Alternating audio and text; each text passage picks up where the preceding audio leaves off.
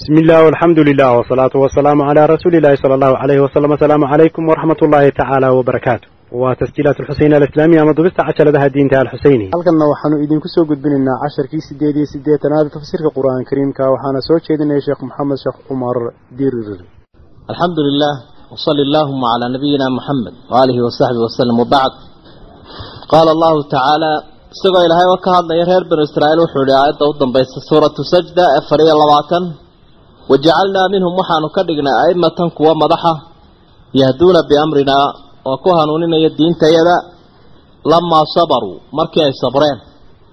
Wa kaanuu biaayaatinaa yuuqinuun aayadaha iyagana waxay ahaayeen kuwo ku kalsoon oo ku imaan qaba. Marka kolkii ilaahay ay ka tala qaateen kolkii ay ku sabreen dhibkii soo gaadhay ilaahay madax buu ka dhigay. Wuu u ogol yahay ummadda inay hogaamiyaan kuwii munaasibka ku ahaana waa ka dhigay ina rabbaka ilaahaagu huwa yafsilu baynahum yowma alqiyaama. Maalinta qiyaamaha dadka isagaa rabbi kala saaraya. Noocay ahaayeenba dadku u kala duwan yaho faraaruu leeyahay intuu ifkan joogee.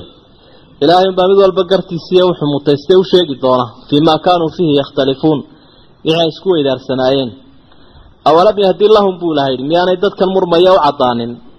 Kama halaknaa min qablihim intaanu hortood halaagnay min alquruuni ummado. Ummado badan baa la halaago ka horreeyey kuwaasoo yamshuuna fii masaakinihim guryahoodii ay soconayaan. Qolo walba goobtii laga halaagay way arki karayaan. Jasiiradda carabta iyo xijaaz eeriyadeeda inahaasay ku arkayaan. Iyo yaman ilaa inaha. Inna fii daalika alaayaat kaa calaamooyin waaweyn baa ku sugan. Ilaahay siduu ula dhaqmo cadowga. Oo cidhib tiro awooddiisu say u badan tahay awliyadiisa siduu u badbaadiyo. In isagu halkan uu ka taliyo gacanta ku hayo intoo dhan ba aayad bay u tahy afalaa yasmacuuna miyaanay dhaga lahayn oonay wax maqlaynin baa ilahay uli waanada ha maqleen iyo wax tilmaamidda. Awalam yarow miyaanay arkayn baa ilahay uli istifaamkuna waa canaan. Miyaanay arkaynin annaa nasuuqulmaa biyihii inaanu qulqulinayno oonu kaxaynayno ila almaai biyo xag ila alardi dhul xaggii aljurus ee dirida ah amaba buska ah dheh dhuriska jurusahoo bannaan oo geed sare iyo geed hoose toona aanu ku ol amaba dhirtii wada qalasho wixii ku yaalay aljurus oo omos ah. Macnaha abaara fa nukhriju bihi waxaanu ku soo saaraynaa. Biyahaa sarcan waxaa lagu soo saarayaa raashin. Firiya. Zarcan zarucu inta badan waxaa lagu tilmaamaa waxa had iyo jeer dadku maadaama minhu ancaamuhum wa anfusuhum dad iyo duunyaba ay cunayaan waxa uu isugu jiraa dee balkii iyo midhihii midhahana dadkaa cunaya balkana xoolahaa cunaya waa zarac ta'kulu minhu ancaamuhum wa anfusuhum xoolahooda iyo nafahooduba waxbay ka cunayaan adiga arkay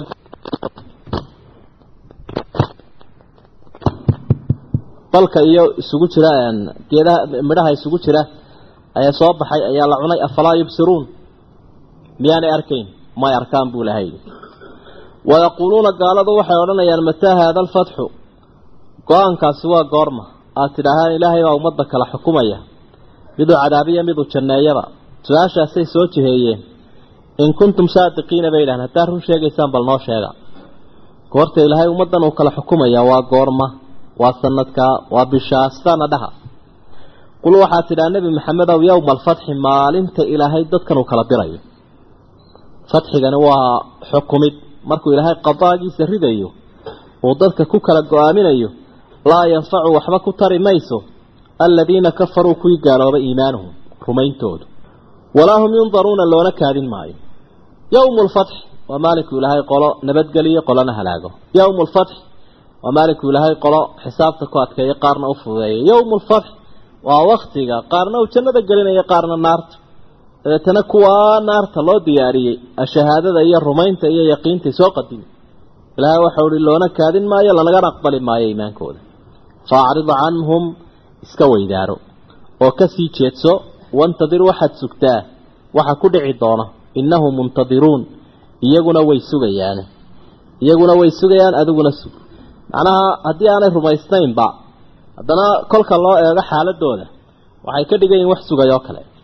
Suuraddan la idhaahdo suuratu alaxzaab ee saddex iyo soddonaad aayadaheedu waa labiyo toddobaatan suurad dheer bay ahayd. Waktigii hore laakiin qeyb badan oo ka mid ah ayaa la nasakhay. Waxaa ku jirtay baa laleeyahy waxyaabaha la nasakhay aayaad lafdigoodana la nasakhay ama akhrintoodii laakiin xukunkooda uu joogo. Waa aayadda sheegaysa xeer ciqaabeedka sinada labada qof ee xaas hore soo maray ee dhagaxa lagu dilayo ashaykhu waashaykhatu idaa zanaya farjumuuhuma albatta nakaalan min allah wallahu casiizun xakiim xukunkeedu waa joogaa laakiin xaggii lafdigii baan la akhriyeyn waa la soo gaabiyey inta kale in la nasakhay weeyaan suuraddani waa madani waxay ka warrami doontaa wax badan oo aadaabta iyo axkaamta ah waxyaabahay suuraddu ka warramaysa waxaa ka mid a in mafaahiim ama waxyaabahay dadku aaminsanaa inay arkayeen jaahiliyadii u arkayeen wax muhiima ama lagu xisaabtami karo ayaa islaamku uu suuriya oo meesha uu ka saaray oo qaarkood aynu arki doonno waxay suuraddu aada uga warramaysaa yaa ku xiga yaase aan ku xigin gacal iyo nacab bay kala sheegi doontaa oo dadka ay u saxaysaa. Suuraddu waxyaabahay ka warramaysa waxaa ka mid ah.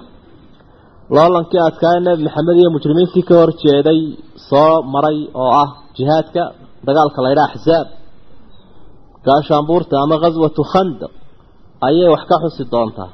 Adaab dhowray sheegi doontaa oo ah sida allabariga la isugu yeedhayo iyo xijaabka iyo inaan la isqaawinin iyo nebi maxamed caleyhi salaatu wasalaam in la weyneeyo hadalka toosan in lagu dadaalo inahaasoo dhanba suuraddu way tilmaami doontaa.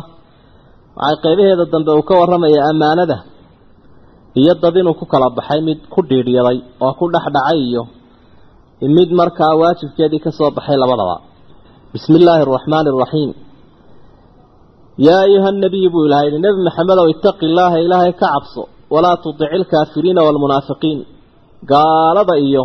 Munaafiqiinta ha aqbalin ha ka tala qaadanin waxay ku farayaan. Ina allaha kaana ilaahay wuxuu ahaaday caliiman xakiiman. Mid wax walba ogsoon oo shay walba xikmad u leh.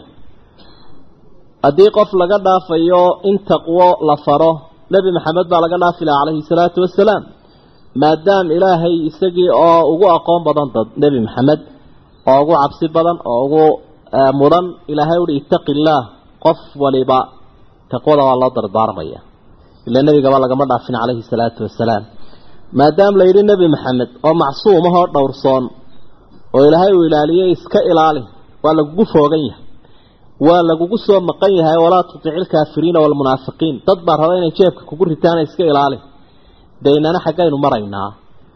Marka macnaheedu waxa weeyaan ma qancinayso dadkaa ilaahay diiday inay awliyadiisa ku cabbaan ee iyagu weydaariyaan mooyaane. Wax kale ma qancinayo waxay aayaddu tilmaamaysaa in waxyiga raaciddiisu inay waajib tahay wattabic nebi maxamed waxaad raacdaa buu lahay. Maa yuuxaa ilayka min rabbik. Ilaahaaga xaggiisa qur'aanka lagaaga waxyooday ina allaha kaana rabbi wuxuu ahaaday bimaa tacmaluuna waxaad samaynaysaan khabiira. Xogogaal buu u yahay watawakal cala allah ilaahay tala saaro oo ku tiirso arrimaha u dhiibo wa kafaa billaahi wakiila mid la tala saarto arrin loo dhiibtay ilaahay baa kugu filan ha qawadin cid kale waxa moodin gaalada iyo dhaldhalaalkooda iyo awooddooda haysodhanin kuwanaa roon oo lagu ceeshi karaa haddii laga xadhig xidho ilaahay iyo diintiisa baa rabbi dadka ilaahay wuxuu ku xidhay ilaahay iyo diintiisa wattabic maa yuuxaa ilayka waxay raac tilmaamaysaa ilaahay diintiisa in lagu xidhmo watawakal cala allahi wakafaa billaahi wakiilan iyo ilaahay ilaahay iyo waxyigiisa taa horena waa adiga arkay oo dee waxa kaleed ku bedelataaba waa waxaad ku halaagsamaysa ood alaxda kaga jabayso maa jacala allahu ilaahay ma yeelin lirajulin qofna fii min qalbayni laba caqli iyo laba wadne uma samaynin fii jawfihi gudihiisa qofna laba qalbi ma leh wamaa jacala ma yeelin aswaajakum ooryihiinna allaa-i kuwaasoo tudaahiruuna minhunna aa ka dhaaranaysaan ummahaatikum hooyooyinkiin kama dhigin. Idinkunba afka ka yidhiyo hooyo idin ma aha waa ooridiinnii wamaa jacala rabbi ma yeelin adciyaa'akum kuwa laydinku yeedho abnaa'akum inamadiinna ilaahay kama dhigin. Daalikum qowlukum kaasi waa hadalkiinnii biafwaahikum afkiinna unbaa ka tidhaahdeen wax xaqiiqo ah ma leh qofkii inuu afadiisii hooyadii ku sheego ama midaanu dhalin inankiisii ku sheego xaqiiqo maaha waa hadal af laga yidhi. Wallaahu yaquulu alxaq ilaahay xaqa ayuu odhanayaa idiin sheegaya. Xaqu isaguu ka soo fulaa wa huwa yahdi sabiil jidkana isagaa ku haga. Cid kastoo hanuunaysa. Wa huwa yahdii annaasa ila asabiil jidka xaqa isagaa dadka rabbi ku jeeya. Ummadi waxay ku horu marayso iyo waxay ku hodmayso isagunbaa dadka u tilmaama. Udcuuhum kuwan waxa ugu yeedhaan liaabaa'ihim aabbayaashood ugu yeedha. Huwa yeedhmadaasa aqsatu cinda allah ilaahay agtiisa taasaa cadaalad badan. Fain lam taclamuu haddaydaan garanaynin aabaa'ahum aabbayaashood haddaydaan garanaynin fa ikhwaanukum fi ddiin. Waa walaalihiinnii diinta idinkula walaalahaa. Iyo wa mawaaliikum kuwii aa xorayseen kuwii aa xorayseen marka waa inaad tidhaahda yaa akhii fi ddiin wa mawlaaya walaalkaygii diinta iyo kii aan xoreeyayow. Walaysa calaykum junaaxun dembi idinkama haysto fii maa akhda'tum bihi wixii aad gaftaan. Ee adigoo aan u jeedin aad inankaygiiw tidhaahdo taa kol haddaanad u kasin dembi male walaakin maa tacamadat quluubukum qalbigiinnu wixii u qastee ujeeddo idinka ah kaasaa la idiin haystaa haddii aayadda ku khilaaftaan wa kaana allaahu ilaahay baa wuxuu ahaaday kafuuran raxiima dembiga mid dhaafoo naxariista qur'aanka kariimka ahi waa diin samaawi alla uu soo dejiyo dadka takyiirinaysa waxay ka rifaysaa rawaasibta jaahiliyada. Jaahiliyada iyo waxyaabaha nuxuusta ay leedahay iyo xumaanteeday dadka ka sifaynaysa. Aragtiyo iyo dhaqamaa jiray jaahiliya oo la yaqaano wakhtigii carbeed. Saddex ka mida bay deedifaysay aayaddu midi waxa uu ahaa in dadka qaarkood loo haystay inay caqli iyo garaad ka duwan yihiin dadka oo ay wax dheeraada leeyihiin. Oo nin baa jiray qurayshta ka mid ahaayoo aada wax u xafidi jiray. Markaa dulqalbayn bay u bixiyeen laba qalbiile inkastoo la arkay macaarigtii mid ka mid a dagaaladii ninkii oo ordaya oo maalinkii colka gaalada uu jabay baxsanaya oo labadiisii kabood midna suxulka gashaday midna waayey. Dabeedna waxaa le war laba qalbiile maxaa dhacay? Kabtii kale meeday oo awal miyay maqnayd buuli ma midunbaa sitaah laba qalbiila halkaasuu ku fashilmay. Marka taasi waxay tilmaamaysaa qof waliba inuu hal caqli uun leeyahy ama hal garaad mafhuumka noocaasa ilahay wuu saxay. Mid labaad culimada qaarkood way ku fasireen oo ninkan munaafiqa la yidhaahdo ayaa wuxuu isticmaalaa inuu laba dhan u shaqeeyo laba dhinac. Xagga gaalada iyo xagga islaamka labadaa inuu dhan walba u rido. Kaasuu isticmaalaa. Dabeedna ilaahay waxa uu tilmaamaya in laabi laba ula arrinku yahay laabi laba ula. Oo qofku inuu gaalada raacu adeeco sidaa loo diiday iyo in uu sidii la fara yeelo oo ilaahay iyo rasuulkiisa u adeeco labadaa mooyaane laba qalbaan yeelanaya oo kuwana dhan baan kula shaqaynayaa kuwana dhan maya wax dhabalmayjar la yidhaha labadan dhan baa loo isticmaalayaa ma jiro taasi waa taa arrinta kale nasku uu saxay waxa weeyaan dihaarku waxa uu ahaa dalaaqooda inuu ninku afadiisa yidhaahdo anti calaya ka dahri ummi. Dhabarka hooyaday oo kalaad iga tahay. Arrin furiina bay ahayd sida suuratul mujaadala ama qadsamic bilowgeedaba ku cad. Taana ilaahay meeshuu ka saaray oo waxaa la yidhi dumarkaasi waa dumarkiinni uun. Waxba hooyadiin ha ku shabihinina wa innahum layaquuluuna munkara min alqawli wa zuuraa wa hadal dembiya zuur baa lagu tilmaamay marka kaana meesha laga saaro sida loo furo dumar dee qur'aan iyo xadiidba way caddeeyeen kaasi dihaarkaasi waa xaaraan mana banaana waxaa saddexaad oo nasku uu meesha ka saaro la deerifeeyey arrin ay dhaqankaa carbeed isticmaali jireen oo ahayd hadduu qofku inan baadiya soo helo ama mid bannaankaba uu ka soo qaato ama cid kaleba uu kala yimaado inuu isu nisbayn jiray. Macnaha uu inankiisii ka dhigan jirayoo ina hebelow la odhan jiray. Dabeedna arrintii ila ummadunbuu la noolaa in nebi maxamed bay soo gashay calayhi salaatu wasalaam oo saxaabigii zayd la odhan jiray ee uu helay ee soo nebiga u yimi calayhi salaatu wasalaam ayaa ee uu xoreeyey. Ayaa la odhan jiray zayd ibnu muxamed iyadoo zayd ibnu xaarisa u ahaa. Rasuulku sala allahu calayhi wasalam dee sidaa u aqbalo ummadda ugu yeedhi jirta uu iska dhex joogay arrintii waa laga deerifeeyey oo waxaa la yidhi iska daaya. Maa kaana muxammadun abaa axadin min rijaalikum.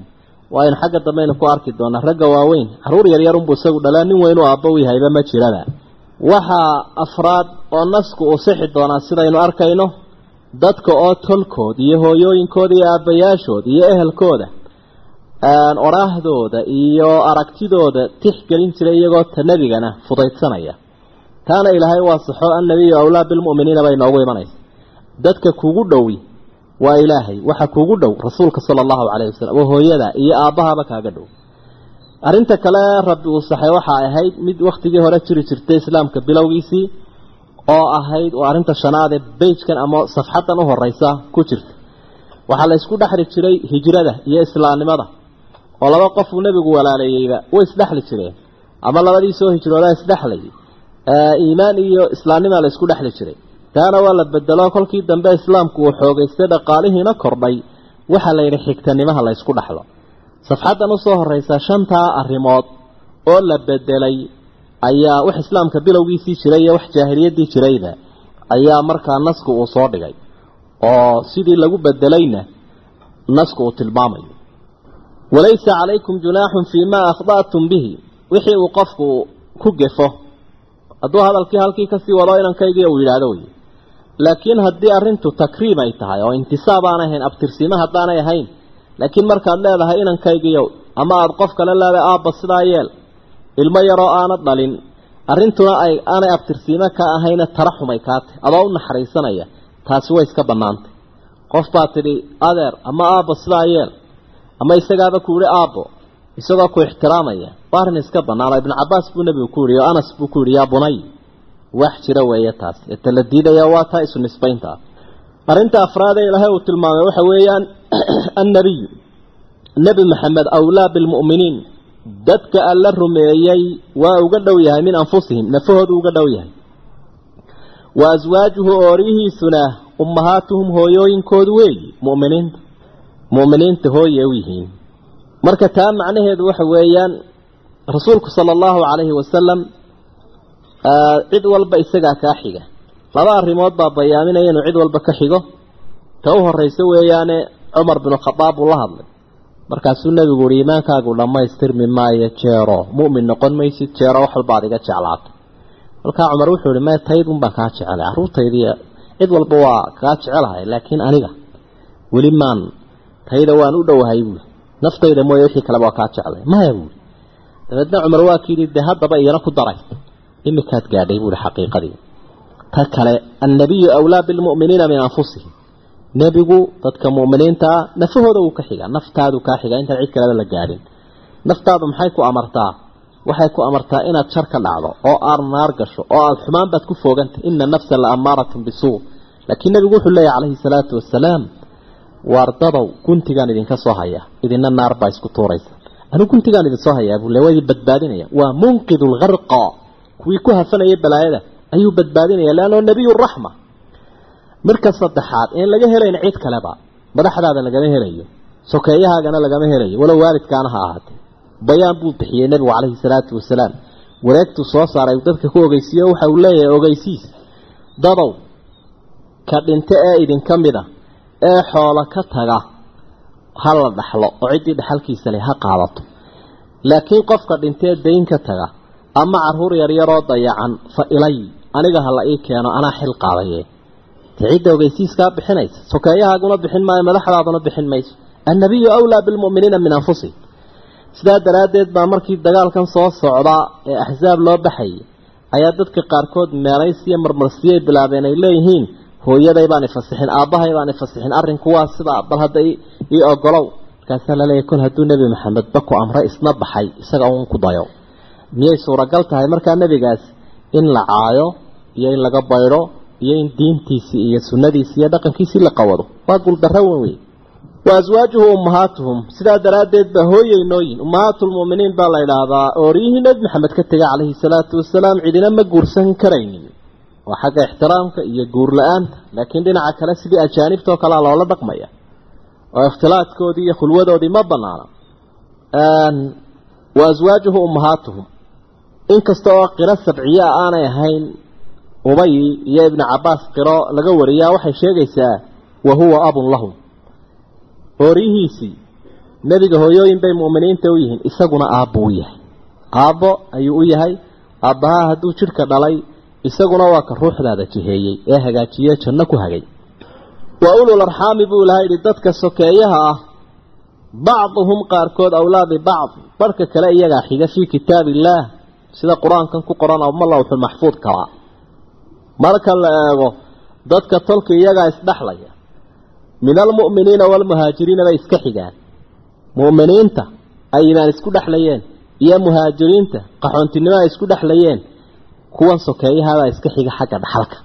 Waa xagga dhaxalka un ilaa an tafcaluu inaad samaysaan mooyaane ilaa awliyaa'ikum dadkii saaxiibada ahaydeen ama iimaanka walaal ku ahaydeen walaaga islaamku idinka dhexeeya macruufan samayna u samaysaan mooyaane. Taasi waa idiin bannaanta walaalihiinnii islaamnimada ee isku qoyska ahaydeen ee jalaha iyo gacalka ahaydeen wakhtigii hore isdhexlayseen macruuf inaa u samaysaan waa la ogoliyey macruufkaasoo dabcan aan dhaxalka ahayn sida dardaaran iyo wax qofkii u hibeeye iyo waa loo ogolyahay. Laakiin dhaxalkii adduunkii wuu kordhaye islaamkiina waa ballaadhaye intaa hore waa la hakiyey. Kaana daalika arrinkaasi wuxuu ahaaday filkitaabi masduuran kitaabka mid lagu qoray mid ku daabacan weeye. Marka kitaabkaasina waxa uu noqonayaa lawxulmaxfuudka amaba waxa uu noqon karaaba. Qur'aanka kariimka ah oo dee waa kan ku qoran aynu arkayno mafaahiimtaasa islaamku uu taqyiiriyey waxyaabahan had iyo jeer jaahiliyadu ay uga qayliyeyso qur'aanka iyo diinta ilaahayna. Waxa weeye waa taqyiir waxay arkayaan waxa ay ku dhegan yihiin ay isleeyihin waa dhadhamiseen. Ee shahawaadka iyo shubahaadka iyo foolxumada ah ayay isleeyihin waa laydinka fujin doonaa. Waid akhadnaa min annabiyiina xus waid wakti xus akhadnaa aanu ka qaadnay min annabiyiina miihaaqahum ambiyada ballantoodii baanu ka qaadnay. Wa minka wa min nuux adiga iyo nebi nuuxna ballan baanu ka qaadnay wa ibraahiima wa muusa wa ciisa bni maryam. Saddexdaa nebina ballan baanu ka qaadnay wa akhadnaa minhum. Lagu celiye. Waxaanu ka qaadnay ambiyada ah miithaaqan haliidaa ballan adag ayaa laga qaaday oo culus. Sidaasay tahay oo diintani waa ammaano culus ammaano aan sahlanayn weeye. Ammaano sabir u baahan weeye iyo sumuud iyo dhabaraday ammaano qofku marka uu sida uu dareemayo weeyaan inaanu ku danaysanaynin ilaahayna uu ku adeecayo adduun iyo aakhirana liibaantiisu ay ku jirto uu dareemayo wey marka dhowr nebi baa halkan ilaahay uu sheegay waa ambiyada la yidhaahdo ulul ee shuruucda waaweyn lahaa. Ulul casmiga shanta nebiye la isku idhaaba halkan aayadan toddobaad ilaahay uu ku sheegay bay leeyihiin mufasiriintu ee la yidhi nebiga markii lala hadlayay fasbir kamaa sabara ulul casmi min arusul walaa tastacjil lahum sidii ay u sabreen ambiyada magacaa la baxay ululcasmiga ee go'aanka iyo sabirka badnaa adiguna u sabir oo ku dayo. Waa intan miihaaqa laga qaaday. Miihaaqa inagana diintana laynaga qaaday. Ilaahay baa wuxuu ihi liyas'ala si u weydiiyey assaadiqiina kuwa runta sheegay can sidqihim runtoodii si uu weydiiyo. Ballantan waxaa dadka looga qaaday waa ballan la isweydiin doono oo la yskaga daba imanayo kuwa runta sheegay runtoodii waxaa loo weydiinaya waaba ambiyada iyo awliyada ilaahay iyo mu'miniinta. Ee waxaa loo weydiinayaa fadeexad bay tahy kuwa kale lagu fadeexadaynayo oo dabcan iyagu saadiqiin bay ahaayeen runta sidii ilaahay ugu soo dhibay dadka u gaadhsiiyeen ammaano ay ka qariyeenna may jirin marka iyagu isbaraxaan dabcan balaayadu waa inay cil dulbaxayso ilaahay baa yidhi falanas'alanna aladiina ursila ilayhim walanas'alanna almursaliin rusushii iyo ummadihiiba waa la su'aalaya. Marka rasuul waxba kuma baaqanin ilaahayna waa ogyahay xaggeed geysay ma gaarsiisay dadkii haa dee kuwanay ku hadhaysaa kolka. Wa acadda lilkaafiriina cadaaban aliiman. Gaaladana wuxuu u diyaariyey ilaahay cadaab kulul. Waa kuwa ammaanadan gudan waayey. Waa kuwa beenta ehelka u ahaa. Waa kuwa ballantii jabiyey. Yaa ayuha aladiina aamanuu dadkii ilaahay rumeeye udkuruu waxaa xustaa nicmat allaahi calaykum ilaahay nicmada uu dushiina yeelay ee u idin siiyey. Id wakti baa ilaahay u idin nicmeeyey jaa-adkum ay idiin timid junuudun ciidamaa idiin yimi. Fa arsalnaa calayhim waxaanu ku sii daynay oo aanu ku afrognay. Riixan dabayl ayaa lagu sii daayay. Wa junuudan iyo ciidamo lam tarawha aydaan arkaynin oo malaa'igtii ilaahay ah. Wa kaana allaahu ilaahay baa ahaaday bimaa tacmaluuna basiira camalkaa samaynaysaan iyo waxaa ehel u tihiin intaba ilaahay wuu ogsoon yahay oo inaa istaahishaan oo ku habboontihiin sidaa in laydinku hiiliyo. Ilaahay baa ogsoon. Marka dhowr iyo toban aayadood oo toddobiyo toban aayadood meelahaas ayaa ka warramaya dagaalkan axsaab la ydhaah ee suuradda lagu magac daray. Axsaab waa gaashaanbuurtii weeye gaaladu weli sidii unbay isu gaashaanbuuraysanaysa haddii dowladii yar lagu duulayo iyo haddii tu weyn lagu duulayo iyo hadday iyagu isku duulayaanba oo adiga arkaya laleeyahy gaashaanbuurta ama xulafada dagaalka ciraaq iyo xulafada afghanistan. Maa zaalat alqadiya halkeedii way taallaa oo way way taagantay dagaalkan isaga ah ee la yidhaahdo axzaab khandaqna waa la yidhaha dagaalkii godka la qotay. Waxa uu dhacay sanadii shanaad xagga hijriyada marka la eego. Sababtiisuna waxay ahayd nimankii yuhuudda ahaa ee nebigu markii ay ballanta jabiyeen uu ka eriyey madiina ee khaybar degay ayaa soo abaabulay. Nimanku waa balaayo kana iyagunbaa wada kaana iyagunbaa waday. In la marna waa lagu baraarugsanaa un marna waa laga qaafilun baa layahay labadaasunbaa arrintu waa taasun waxay idhahdeen maxamed maadaama madiine inaga eriya waxaynu kaga aarsan karnaa inaynu xulafo u samayno. Xer iyo dhulba kaga soo duusha. Waxay tegeen maka way soo abaabuleen khatafaan hawaasin quraysh iyo axbaash kale macnaha wax fara badan oo qabaa'ilkaas iyo iyagii joogay madiine oo ku biiray. Intaasaa isa soo urursaday.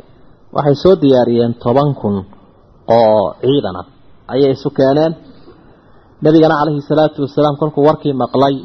Intaanay colaalku sooba gaadhin madiina loogu imanayaa kolkaa. Dabcan waad ogtahay waa masaafada aada u dheer afar boqol oo kilomitro la lugaynayo wey. Halkaasay ka soo duulaya.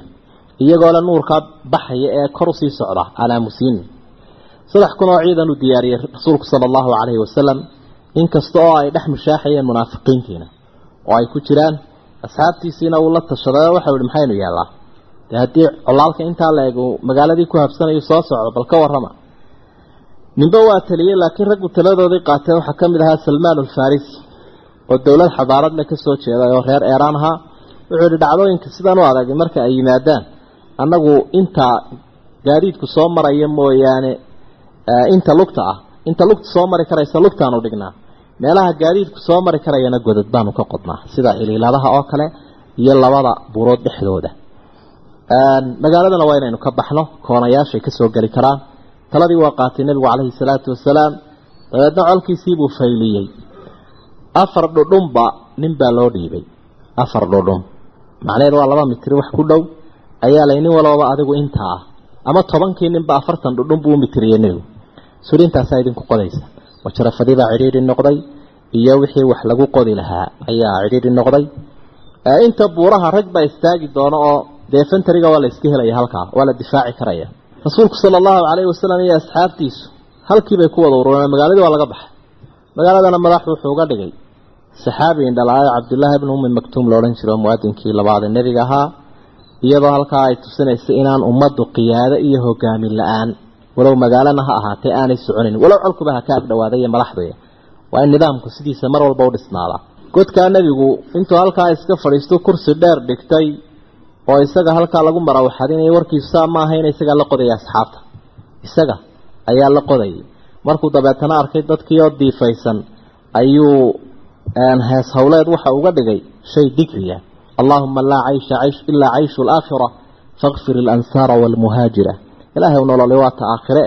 Ragga sidan dartaa u dadaalaya. Ilaahayow u naxariiso oo u dembi dhaaf.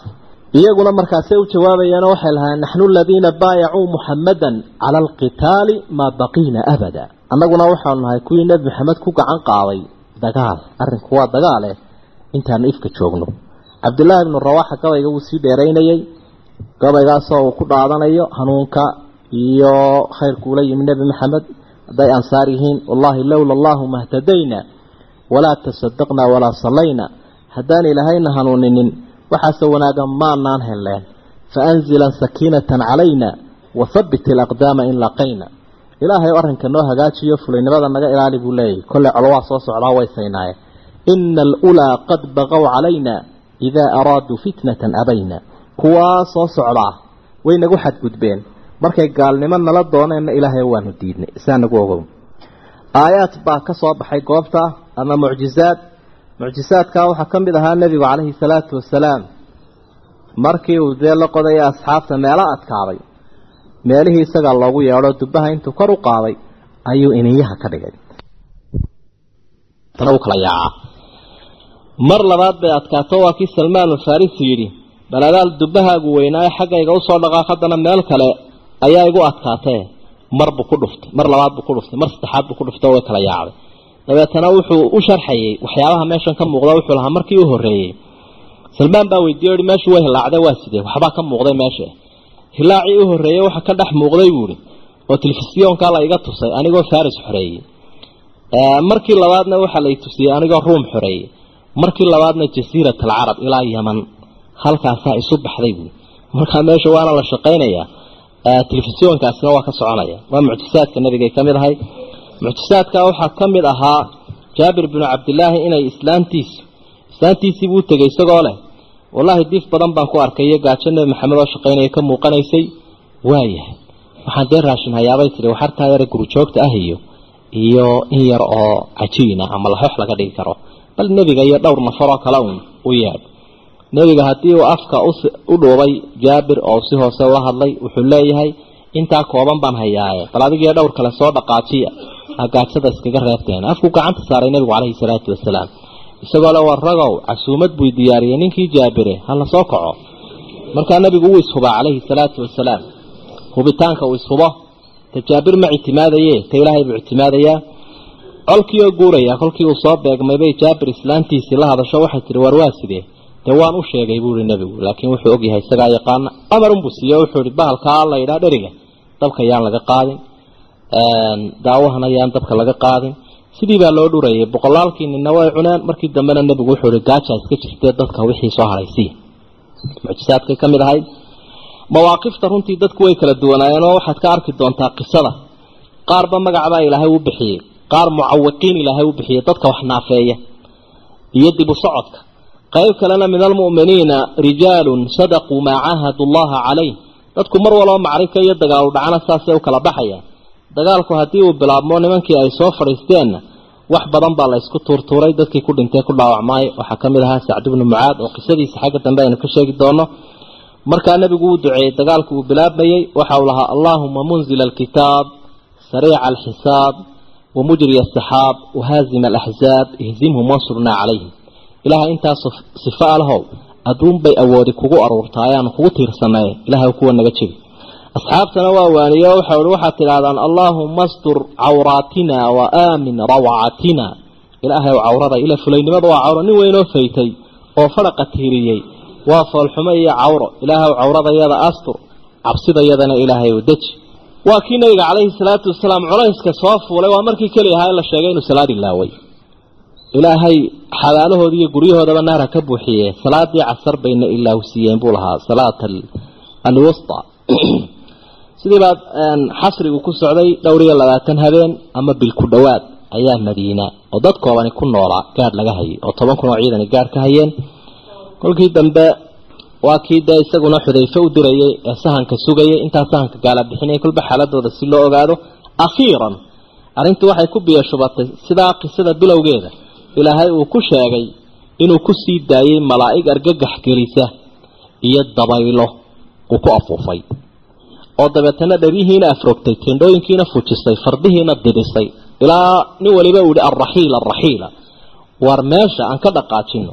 Sidaasay ku dhaqaajiyeen dabayshaana waxaa loo yaqaanaa nebi maxamed u hiilinaysiiyo mu'miniinta asaba usirtu bisaba wa uhlikad caadin bidabuur dabaysha saba la ydhaha waa laygu hiiliyey neecawd iyo walwalka wadata taa dabuurta la ydhaahdana waxaa lagu halaagay reer caad. Wamaa yaclamu junuuda rabbika ilaa huwa. Junuudda ilaahay unbay ka mid tahay. Markii nimankii layidhi waa kuwa oo way dhaqaajiyeen ayuu nebigu bixiyey ogeysiis. Ilaahay wuu u sheegay alaana naqzuuhum walaa yakzuuna buu. Hadda waxa go'aana mar haddii sanadii shanaad la marayo markii saddexaadna ay madiine ka noqdeen ilan beder iyo uxud iyo maantaba way soo duuleene laga bilaabo imaka inagunbaa weerari doona dibna quraysh inoo soo weerari maysa gaal dambe inagu soo duulaya oo halkan inoogu imanayaa ma jiro taasaan idin ogeysiiyey buui marka la soo koobo qisada sidaasay ahayd. Intii kale waynu dareerin aayaadka. Ilaahay baa markaa mawaaqifta iyo muuqaalka iyo dhacdooyinka iyo baqaha iyo dhiiranaanta bal wuxuu rabbi dabadda soo dhigayaa. Waa mucjisaadka qur'aankay ka mid tahay. Wixii damiirka ku sugnaa iyo wixii dareenka qofka ka muuqanayay iyo dadku waxay islahaayeen iyo ummaddii waa la shiilay sidaa u kala baxday.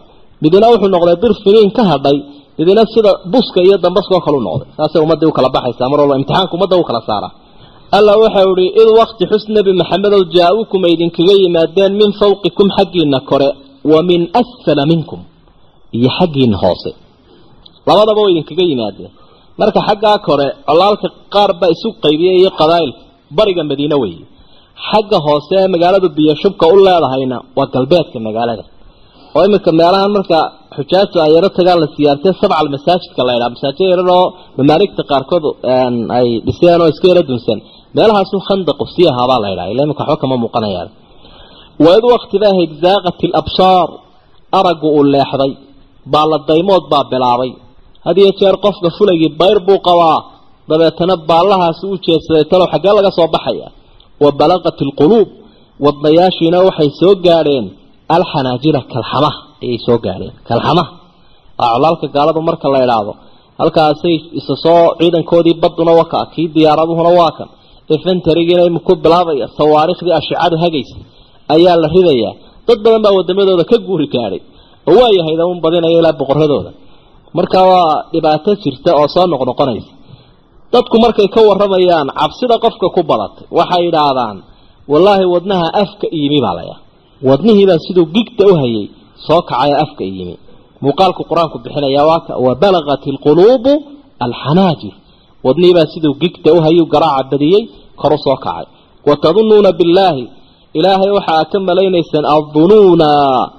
Marka la isku taagayo aayadda waa in alifka la akriyo marka la waslinayana addunuuna hunaalik waa in alifta la dhaafo alif liwaqfi waa cinda xabs wa tadunuuna billaahi ilaahay waxaa ka malaynaysaan addunuuna malayaal kala duwan mid ilaahay ku kalsoon mid warwaray mid marada tuuri gaadhay waa kii dee ninkii munaafiq ahaa muctab bnu qushayr la odhanaya muxuu lahaa war maxamed wuxuu noo yaboohayay nimanka reer eeraan iyo romanka reer yurub inaanu qasnadahooda soo guran doono dahab iyo danaaniirba wallahi midkaayana caawa wuu kaadi tegi laayahay madiine isagoo jooga cabsidan haysata awgeed. Malaha xun buu ahaa. Hunaalika halkaa ama hunaalika waktigaa goobtaa iyo waktigaa darafku makaan iyo zamaanba wuu noqdaaye. Ubtuliya waxa la imtixaanay. Almu'minuuna baa la imtixaanay. Wazulziluu waa la gelgelay zilzaalan shadiidan. Gilgilid adag ayaa la gilgilay oo cagaha dhulka looga qaaday. Oo waa taa aad arkaysa cabsidu noocyada kala duwan yeelatay waid wakti xus nebi maxamed oo yaquulu lmunaafiquuna waaladiina fii quluubihim marad munaafiqiinta iyo kuwa qalbigooda cudurku uu jiifo waa shakiga iyo gaalnimada eh kuwaasibaa waxay lahaayeen maa wacadana allahu warasuuluh ilaahay iyo rasuulkiisu nooma iyo bohayn ilaa quruuran kada mooyaane halkaasay ka gaadhay dadka qaarkood qolana maxay lahayd xasbuna allahu wa nicma alwakiil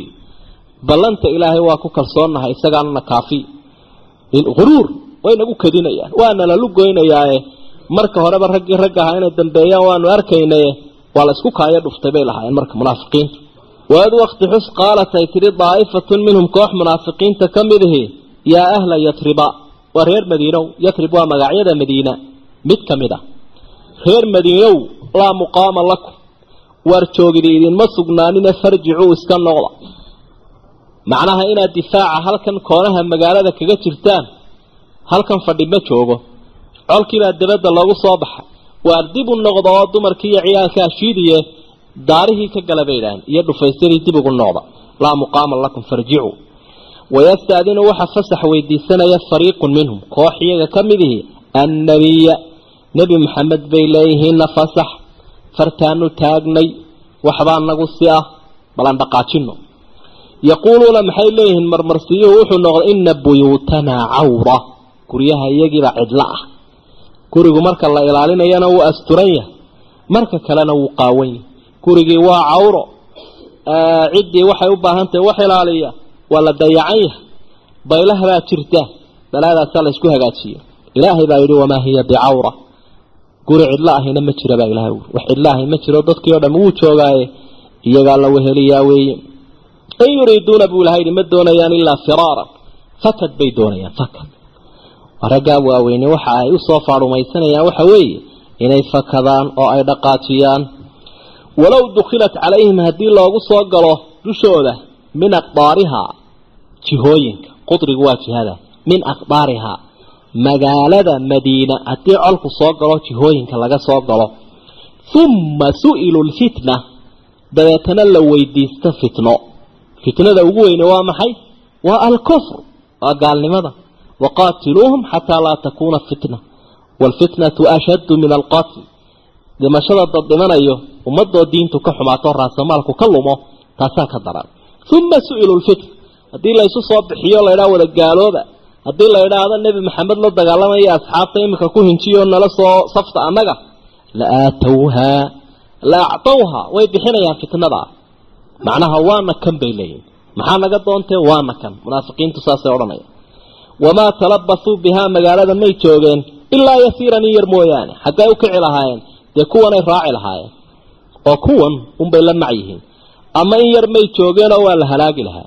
Kol hadday nebi maxamed ka soo horjeedsadaan ay gaaloobaan ilaahay baa taariikhda dib u celiyey cajalada waxaa la yidhi walaqad kaanuu waxay ahaayeen caahadullaha ilaahay bay la ballameen min qablu dagaalkan ka hor laa yuwalluuna aladbaar xagga dambe inaanay jeedinin horay ballamo hore iyo wallayaal hore ayay qadimeen ay leeyihiin ballan waxaanu ku qaadno intaa walla naga ah inaanaan dib u yaaci doonin oonaan cabsan doonin haddii maanta waxna laga sheego fartana lagu goday bal wixii dambeba ha naloo fiirsado wa kaana cahdullaahi mas'uula ilaahay ballanta loo qaadayna waa la isweydiiyey oo waxaa la odhan doonaa cahdigan yaa jebiyey qofka markaa ballanka jebiyeyna balaayo weynba xaggiisa dambe laga taagi astaan lagu garto qiyaamaha calan dheer oo kadratu fulaan ibnu fulaan ay ku qorantay ballan jebintii hebel iyo hebel ninka hebel hebel la idhahdaa ballantuu jebiyey. Mid waliba inta ballantiisaa uu jebiyey ay la-eg tahay ayaa waxaa xagga dambe ka taagan iyo rimoorkiisuna uu noqonayaa. Miduu dhowr noqdo miduu bato miduu fiilo dheer noqdo. Dadkuna waxay ku garanayaan kii ballan jebinta badnaa inuu kaasiiyey waa sida xadiidka saxeixa uu kaga warramaya qiyaamaha dadka ballanta jebiyey qul waxaad tidhaahdaa lan yanfacakum waxba idinku tari maayo alfiraaru orodku nin weynoo fakaday fakadkiisu waxba anfici maayo in farartum min almowt haddii aa geerida ka carartaan aw ilqatli ama dilka laydin dilayo. Haddaa istidhaahaan halkan waa lagu dhimanaya ka baxso. Haddaa istidhaahdaan cadowga idin dilaya ka baxso. Maya waxba idin anfici maysa baa ihaawi khaalid ibnu waliid radia allaahu canhu waxaa la tilmaamaa dagaaladiisu u galaa inay boqolaal gaadheen boqolaal waktigii jaahiliyada iyo waktigii islaamkaba waxau ahaa muddo yaroo kooban isaga oo islaama ninkii uu nebigu u dhiibay calayhi salaatu wasalaam hogaaminta colaalka. Oo raggii waaweyne ay wada joogaan iyadoo uu eegaya takhasuskiisa inuu yahay qaa'id xul ah. Waa ninkuu nebigu u bixiyey calayhi salaatu wasalaam seef ilaahay uu galka ka saaro cadowga dul saaran. Wuu iska dhintay khaalid isagoo aan dagaalna ku dhiman markaasuu dabeetana hadal maqaalo taariikhii uu reebay oo waxau lahaa jidhkayga xubin kastoo ka mid ah mid qarsoon iyo mid muuqdaba waxa ku yaalla seef ama waran ama leen maantana dagaalkuma dhimanayo firaashkayga dushiisa ayaan ku dhimanaya. Wahaa ana amuutu calaa firaashii falaa naamat acyunu ljubanaa allow indhaha fulaygu aanu seexanin buu lahaa. Allow fulaygu wuu soo jeedaa waa feejigan yahay uu feejignaantiisaasun ku sii wadaa. Marka taasi waxa uu tilmaamayaa khatar badan oo qofku galo kuma dhinto nabadgelyo badanoo uu ku jirana kuma badbaado.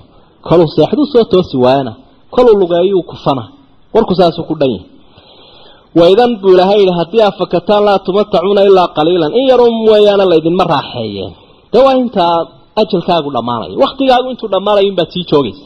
Qul waxaad tidhaahdaa bal nimankan la dooda oo la dhigdhigo waxa aad u caddaysa xaqaa'iqa oo man da aladii yacsimukum? War yaa idinka ilaalinaya min allah. Ilahay idinka difaacaya in araada bikum suu-an hadduu balaayo idinla doono aw araada bikum raxma ama hadduu naxariis idinla doono ilahay baa labadaba keene eh bal yaa idinka hor joogsanaya miydaan ilaahay ku kalsoonayn walaa yajiduuna lahum heli maayaan min duuni illaahi inta alla ka sokaysa weliyan walaa nasiiran wax difaacaya wax u hiiliya weli wax balaayada ka joojiya nasiir wax wax u soo dhiciya midna ma jiro ilaahay wuxuu yidhi isagoo ka warramaya xaalku maalintaas siduu ahaa iyo dadkii fashilmay markaa ceebtu raacday qad yaclamu allahu. Ilaahay waa ogaanayaa almucawiqiina kuwa wax naafaynaya minkum idinka idinka mid ah. Kuwa ilaahay waa ogaanaya almucawiq waxaa la yidhahdaa qofka naafada ee booska ah ama aynu idhaahna hebel waa naaf ayaa la ydhaha marka kani dee ogabay dadku adinna waxbay ku naafeeyaan afkana waxbay ku naafeeyaan. Marka ummadood kala jabiso oo aada cadowgii ay ku jahaysnaayeen aad ka soo duwdo waxaa la yidhaahdaa qofkaasi waa musabit waa musarif waa mucawir. Waa mid dadkii ka duway halkay ku jahaysnaayeen xaq ahaa. Marka war ninkaasi waxba noomuu talina wuuna naafeeyey bay dadku idhahdaan war ummadda ha naafaynin oo cadowga lugta ha u qabanin. Iyo walqaa'iliina kuwii lahaa liikhwaanihim walaalahood halumma ilaynaa war noo kaalaya. Halumma ilaynaa war xagga iyaga u soo kaca war meeshan waa dab isku tuurnima dagaalma jire iskaga soo noqda walaalahoodaasina waa kuwa isku qolaba ahaayeen wallaahi waanu idinla talinaynaa innagaa isku jirib oo isku reer hebeleh maanta halkan waa lagu go'ayaa waxa soo socdaanu ognahay. Halumma ilaynaa saasay dadka kulahaayeen walaa yaatuuna alba'sa ilaa qaliila. Walaa yaatuuna alba'sa dagaalkana ma tegayaan ilaa qaliilan in yaru mooyaane in yar. Oo waa goorma waa marka la yidhaahdo cadowgii wuu jabaya. Waa marka la yidhaahdo qariimaa la helaya. Waa marka la yidhaahdo waa la ydin arkayaa si undhaha wakhtiyaashaa weeye qaliilku ana haahunaa baa la yidha anna waay kan waa kugu garab taagnahay ayaa arrinkooda u batay. Ninka halkaa nasku wuxuu dibadda soo dhigaya dadka u dagaalamaya mabda iyo diin iyo dadka u dagaalamaya manaafic iyo masaalix in cirka iyo dhulka intaa inay isku jiraan oona isna ag iman karin isna waajihi karin. Saasaa sunnada qur'aanku ina barayaanit ashixatan calaykum kuwa idinku bakhaylin kuwa idinku adag weeye waa kuwo idinku lexe jeclo xun. Waa shaxiixun ashixa. Kuwo adayga weeye lexe jeclo xun weeye idinku bakhaylaya wey calaykum. Macnaha wax alla wixii helaysaan. Fa idaa jaaa alkhawfu markay cabsidu timaado ra'aytahum munaafiqiinta waad arkaysaa yanduruuna ilayka iyagoo ku soo eegaya. Taduuru acyunuhum ishooduna way wareegaysa sida bahalka gorgorkaoo kale ayay sii jeedka iyo soo jeedkaba kaa eegayaan. Labada dhanba. Taduuru acyunuhum oo markaa bayr bay leeyihiinoo xagga hore iyo xagga dambe saasay u wada eegayaan. Mar alla marka la yidhaahdo col iyo cabsi baa jira. Ilaahay baa wax sawir og. Dadkaa waxay idhaahdaan saxafi saxafigu waa inuu qofku intaanu taqaariirta iyo warka tirin bay idhahdeen waa inuu horta muuqaalka xaaladda bixiyaa si ay dadku ula jaan qaadi karaan jawiga khabarkiisa. Ilaahay baa tabaaraka wa tacaala wax tilmaami ogo dadkaasi siday ahaayeen iyo halkay ka soo baxayaan iyo sawirkoodii oo buuxuu ina siiyo markaasuu hadalkiina inoo raacinaya. Markaasuu damiirkiina raacinaya. Xama maharin kaladii kiibay la yuqshaa la daboolay calayhi isaga min almowti geeri awgeed. Qof dam ah oo geeri lala daboolay oo hinraaga iyo xumadda ka baxaya kolba dhaneegaya. Ama indhihiisuba ay talligmeen. Labadaas yood saasuu dee qofku marka ay ku sii adkaada sakaraadku meelunbu eega marka galka indhihiisu ka soo baxsayn xayrkuu ka rogaya. Waxaasaa la ydhaha saasay marka muuqaalkoodii. Fa idaa dahaba alkhawfu buu ilaha cabsidu markay tagto salaquukum waxay idiin soo ridayaan bialsinatin xidaad caraba af leh. Haddaad maqasho hebel waa afmiishaar waa kuwan afmiishaarin afku dee ma og tahay waxaa laga dhigayaa sidii mid wax goynaya oo kale. Macnaha wuu il fiiqan yahay. Iyo waa afmiishaar iyo waa afkumaal waxoo dhamiba wuxuunay sheegayaan inuu qofkani wixiisu khayru caadi yihiin. Salaquukum bialsina. Carabay soo rideen. Oo xidaad af leh. Marka afmiishaar waa kaa wey ashixatan calaykum ashixatan cala alkhayr kuwa ku bakhayla weeye wixii khayr oo helaysa. Cala alkhayr waa jins alkhayr qof mu'min iyo wixii khayr ah uu helayo kuwaasi lama ogola. Ma guulba ma adduunba ma farxadba wax wax alla wax khayr ahoo qof mu'min helaya maya ma ogola. Ulaa'ika kuwaasi lam yu'minuu may rumaynina ogaada iimaan ma laha fa axbada allaahu acmaalahum ilaahayna camaladoodu buriyey. Ma jiro camal camal u tirsan munaafiqa eegin wa kaana dalika cala allahi yasiira arrinkaasi ilaahay wuu ku fududi. Waxa ilaahay ku fudud aanu kuwa waxba u tirin. Waxa ilaahay ku fudud inuu xaqaa'iqoodan idinka warramo hoos iyo muuqaalba. Yaxsabuuna alaxzaaba gaashaanbuurtii waxay moodayaan lama yadhabu inaanay tegin. Fulaynimadu marka ay sii badato maqaal bay reebaya reebaysaa odhanaya colku galay cabsi kugu reeb. Marka yaxsabuuna alaxzaaba lam yadhabuu colkiioo iskaba tegey ayaa dabeetana cabsida kaga hadhay ay weli bayrtii qabaan oo ay kariiran yihiin walyaati laxzaabu haddii gaashaanbuurtii ay timaado mar kale ay soo noqoto ilaa nimankii waa kuwan miraaran wa tikraaran ku soo duulaya madiine yawaduu waxay jeclaanayaan munaafiqiintu low annahum iyagu baaduuna fi lacraab miyiga inay ku libirhsanaan lahaayeen oo ay ku maqnaan lahaayeen fikirkoodu waa kaa eeg hadda ilaahay wuxuu yaclamu lmustaxiinaat wixii aan dhicin een weli imanin buu sii ogsoon yahay rabbi waa cilmigii sidii u xeel dheer yahayoo axsaabtii may soo noqonin hadday laakiin soo noqon lahayd munaafiqu wuxuu ku sii fikiri lahaa buu ilahay sheegay tabaaraka wa tacaala markaasaa ilaahay waxau ihi haddii axsaabtu ay mar labaad iman lahayn nimankan inay miyiba magaaladan baan iskaga tagna bay odhan lahayn. Meeshan yoolkee la soo eeganayaa waa magaalada eh magaalada baan iskaga baxno. Yawaduuna waxay jeclaanayaan low anahum baaduuna fi lacraab yasaluuna can ambaa'ikum oo warkiinuun ay su'aalaan dadka. War bal ka warrama maxamed iyo colaalkii soo duulay halkay isla marayaan. Waa baadihi waraysigooda wax ka badan. Gaariya camalkeed. Aba ka warrama magaaladii maxaa ka jiray intaasaa warkooda u badan yahay. Waa nin faraaqa iyo jaanis iyo cidlo taagane kolba waa inuu warayo kii sheegi lahaa bidhaamiyo.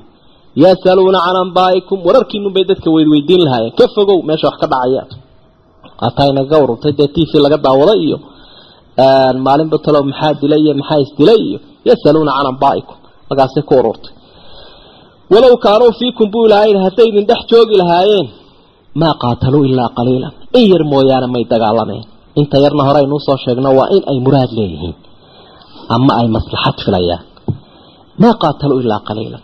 Waayo qofka xejisan karaa in badan dagaalami kara wacdara muujin karaa waa qof damiir leh qawiya ilaahay baa yidhi ummadula hadla waxau ihi laqad kaana xaqiiqanimo waxa ahaaday lakum idinka fii rasuuliillaah nebi maxamed waxaa idinku sugan dadow.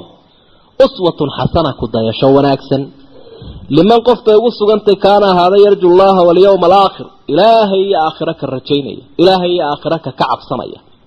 Kaasi nebi maxamed ku dayasho fiican baa ugu sugan. Wadakara allaha ilaahayna xusaya kahiiran in badan. Qofka ilaahay iyo aakhiro ka cabsanaya qofka ilaahay xusaya ku dayasho fiican baa nebi maxamed ugu sugan. Marka maadaamuu nebi maxamed dagaalkii u baxay xabadii uu laabta u dhigay godkii uu qodayo gaajadii uu ku samray kale magaaladii aan ku noqonno kaasi wax alla wuxuu hayaa ma jiro nebigii waa ka baydhay aayaddu waana qaacido oo itibaaca aayaadka loo daliishado weeye. Raacidda nebi maxamed calayhi salaatu wasalaam in khayr oo dhami uu ku jiro. Wa kullu khayrin fi itibaaci man salaf wa kullu sharin fi ibtidaaci man khalaf. Waxalla wixii khayr oo dhami wuxuu ku jiraa nebiga iyo asxaabtiisii horreeyey oo aynu ku dayanno sharkuna wuxuu ku jiraa dhambalashada dadka dambe ay wax iska dhambalanayaan walamaa ra'a almu'minuuna buu ilaha yidhi bal hadda aragti gaal iyo munaafiqba mawaaqiftoodii waad aragtay iyo aragtiyahoodii iyo muuqaalkoodii laguu soo sawiriyo hortaada la keenay oo waad daawanaysa. Bal hadda awliyadii ilaahay iyo usuuddii libaaxyadii allana bal hadda iyagana eeg xaalkooda taariikhdu ay qortay. Walamaa ra'a almu'minuuna buu ilaha yidhi kolkii ay mu'miniintii arkeen alaxzaaba gaashaanbuurti oo dabcan saddex jeer ku soo laabmaya oo ay ku biireen nimankii joogay xaaladda wakhtiyaashay ugu adkayd qatafaan iyo hawaasin iyo quraysh wixii xaggaa inaga xigoo dhami koonfuroo dham way soo guuleen bariga iyo galbeedkay degeen ko yuhuuddii markaa maxay yeeshay nimankii reer bani qurayde ee nebiga la taxaalufay ee madiine raggii difaaci lahaa ka mid ahaa lagula heshiiyey madiine deganaa ayuu nebigu ka shakiyey waxa ka soo baxayoo dabeedna saxaabi buu u diray bal taqriir ka soo qor buulo sahan noqo war ka keen war buuxa wuxuu ku soo warceliyey nimankii waxa ay la jiraan si buuxda. Colka soo duulay. Jidadkii madiine ay kala garanayaan goldaloolooyinkii oo dhan bay ogyihiin. Wakhtiga xaaladuhu ay ugu sii adkaayeen wakhtigaas ahayd. Uu nebiguna calayhi salaatu wasalaam ogeysiiskaa wakhtigii hore hakiyey si aanay dadku u bariiqanin qaarkood. Kolkii gaashaanbuurtii oo saddex kuna la arkay iyo kuwii kale oo abeesooyinkii hurday oo iyaguna ku soo toosaya dee asxaabtuna ay yihiin saddex kun oo dee saddex jeer bay markaa ku soo laabmayeen iyo weliba siyaado. Qaaluu markaa waxay yidhahdeen asxaabta haadaa maa wacadana allahu warasuuluh kani waa ilaahay iyo rasuulku waxay noo yabooheen ina maca alcusri yusran.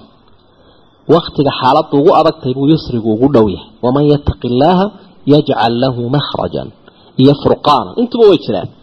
Haadaa maa wacadana allahu warasuuluh إنا لننصر رسلنا والذين آمنوا في الحياة الدنيا ويوم يقوم الأشهاد كتب الله لأغلبن أنا ورسلي أي إلهي وبلن قاضي إلهي الرسول وقت جاينا بلن قاضي وات وصدق الله ورسوله إلهي الرسول كي سنرم بيشيغانا ولك مشاكيين كوا هرنا محيد هذا بل هذا لبدا هذا السؤال ما وعدنا الله ورسوله إلا غرورا لبدا ومضت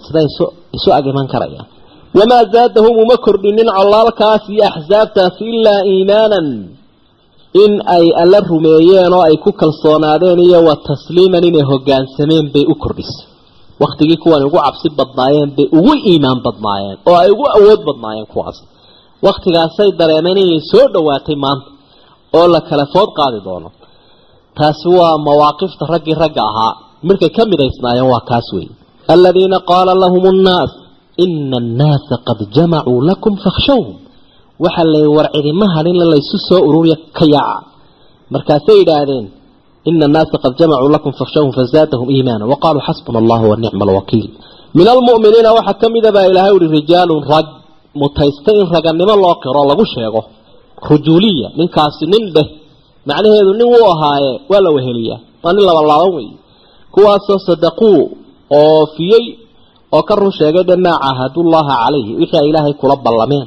Fa minhum waxaa ka mida man qadaa naxbahu mid calafkiisii qaaday oo shahaado iyo darajadaa weyn helay. Ila naxbi iyo dheef la helo waa ta ugu weyne. Wa minhum man yantadir mid sugayaana waa ka mid. Intii dhimatayna calafkoodii way qaado way asiibeen inta kalena heegan bay yihiin. Wamaa badaluu tabdiilan may doorinin ballantii ay qaadeen doorin. Alla doori iyo dadkood dooriyayaal may noqonine ballantii sideedii bay uwafuliyen waxaa ka mid ahaa xamse ibnu cabdilmualib nebiga adeerki miscab ibnu cumayr oo iyagana lagu dilay uxud kuwan markaa aayadda ay sheegaysaabay ka mid yihiin. Waxaa ka mid ahaa anas ibnu nadr oo colka oo maalintii uxud jabay oo soo yaacaya isagu sii weydaaranaya oo lahaa warwaaside sacd bnu macaadow xaggeedii weydaaratay aniga jannada urteedii ayaaba sida cadarka haya oo i qaadaya horuu sii weydaaranaya waxaa ka mid ahaayo halkan isaguna ku shahiiday qisadiisana xagga dambe aynu ku arki doonaa sacd bnu mucaad oo madaxdii waaweyneyd ka mid ahaa raggaasaa ka mid ahaa bayla liyajziya allahu si ilaahay u abaaliyo asaadiqiina kuwa runta sheegay bisidqihim runtoodu ugu abaalmarin doonaa iyo xaqiiqada ay markaa ka run sheegeen wayucadib almunaafiqiina kuwa munaafiqiintana wuu cadaabi inshaa hadduu doono aw yatuuba calayhim uu ka toobad aqbali doonaa waa tashjiicin iyo dhiirigelin inay ilaahay u soo noqdaan baa lagu dhiirigelinaya ina allaha kaana kafuuran raxiiman ilaahay baa dembiga dhaafoo naxariista markaa munaafiq iyo kaafirka ilaahay u toobad keena mid walba ilaahay waa ka aqbalaya waradda allaahu ilaahay waa waabiyey oo wuu difaacay aladiina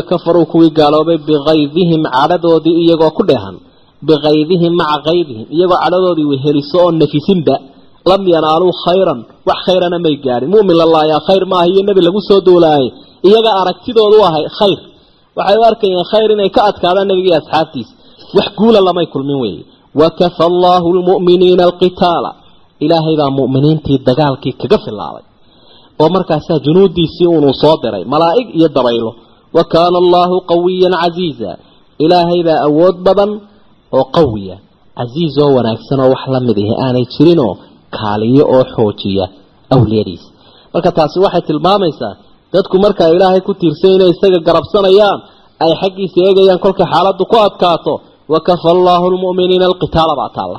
Taasi mar walba way helayaan. Dabeedna nimankii ballanta jabiyey ee yuhuudeed ee deganaa madiina ayaa sidii loo galay iyo qisadoodii ghaswatu bani qurayda baa aayaadkan kooban ee soo horeeyaana tilmaamayaan. Wallahu aclam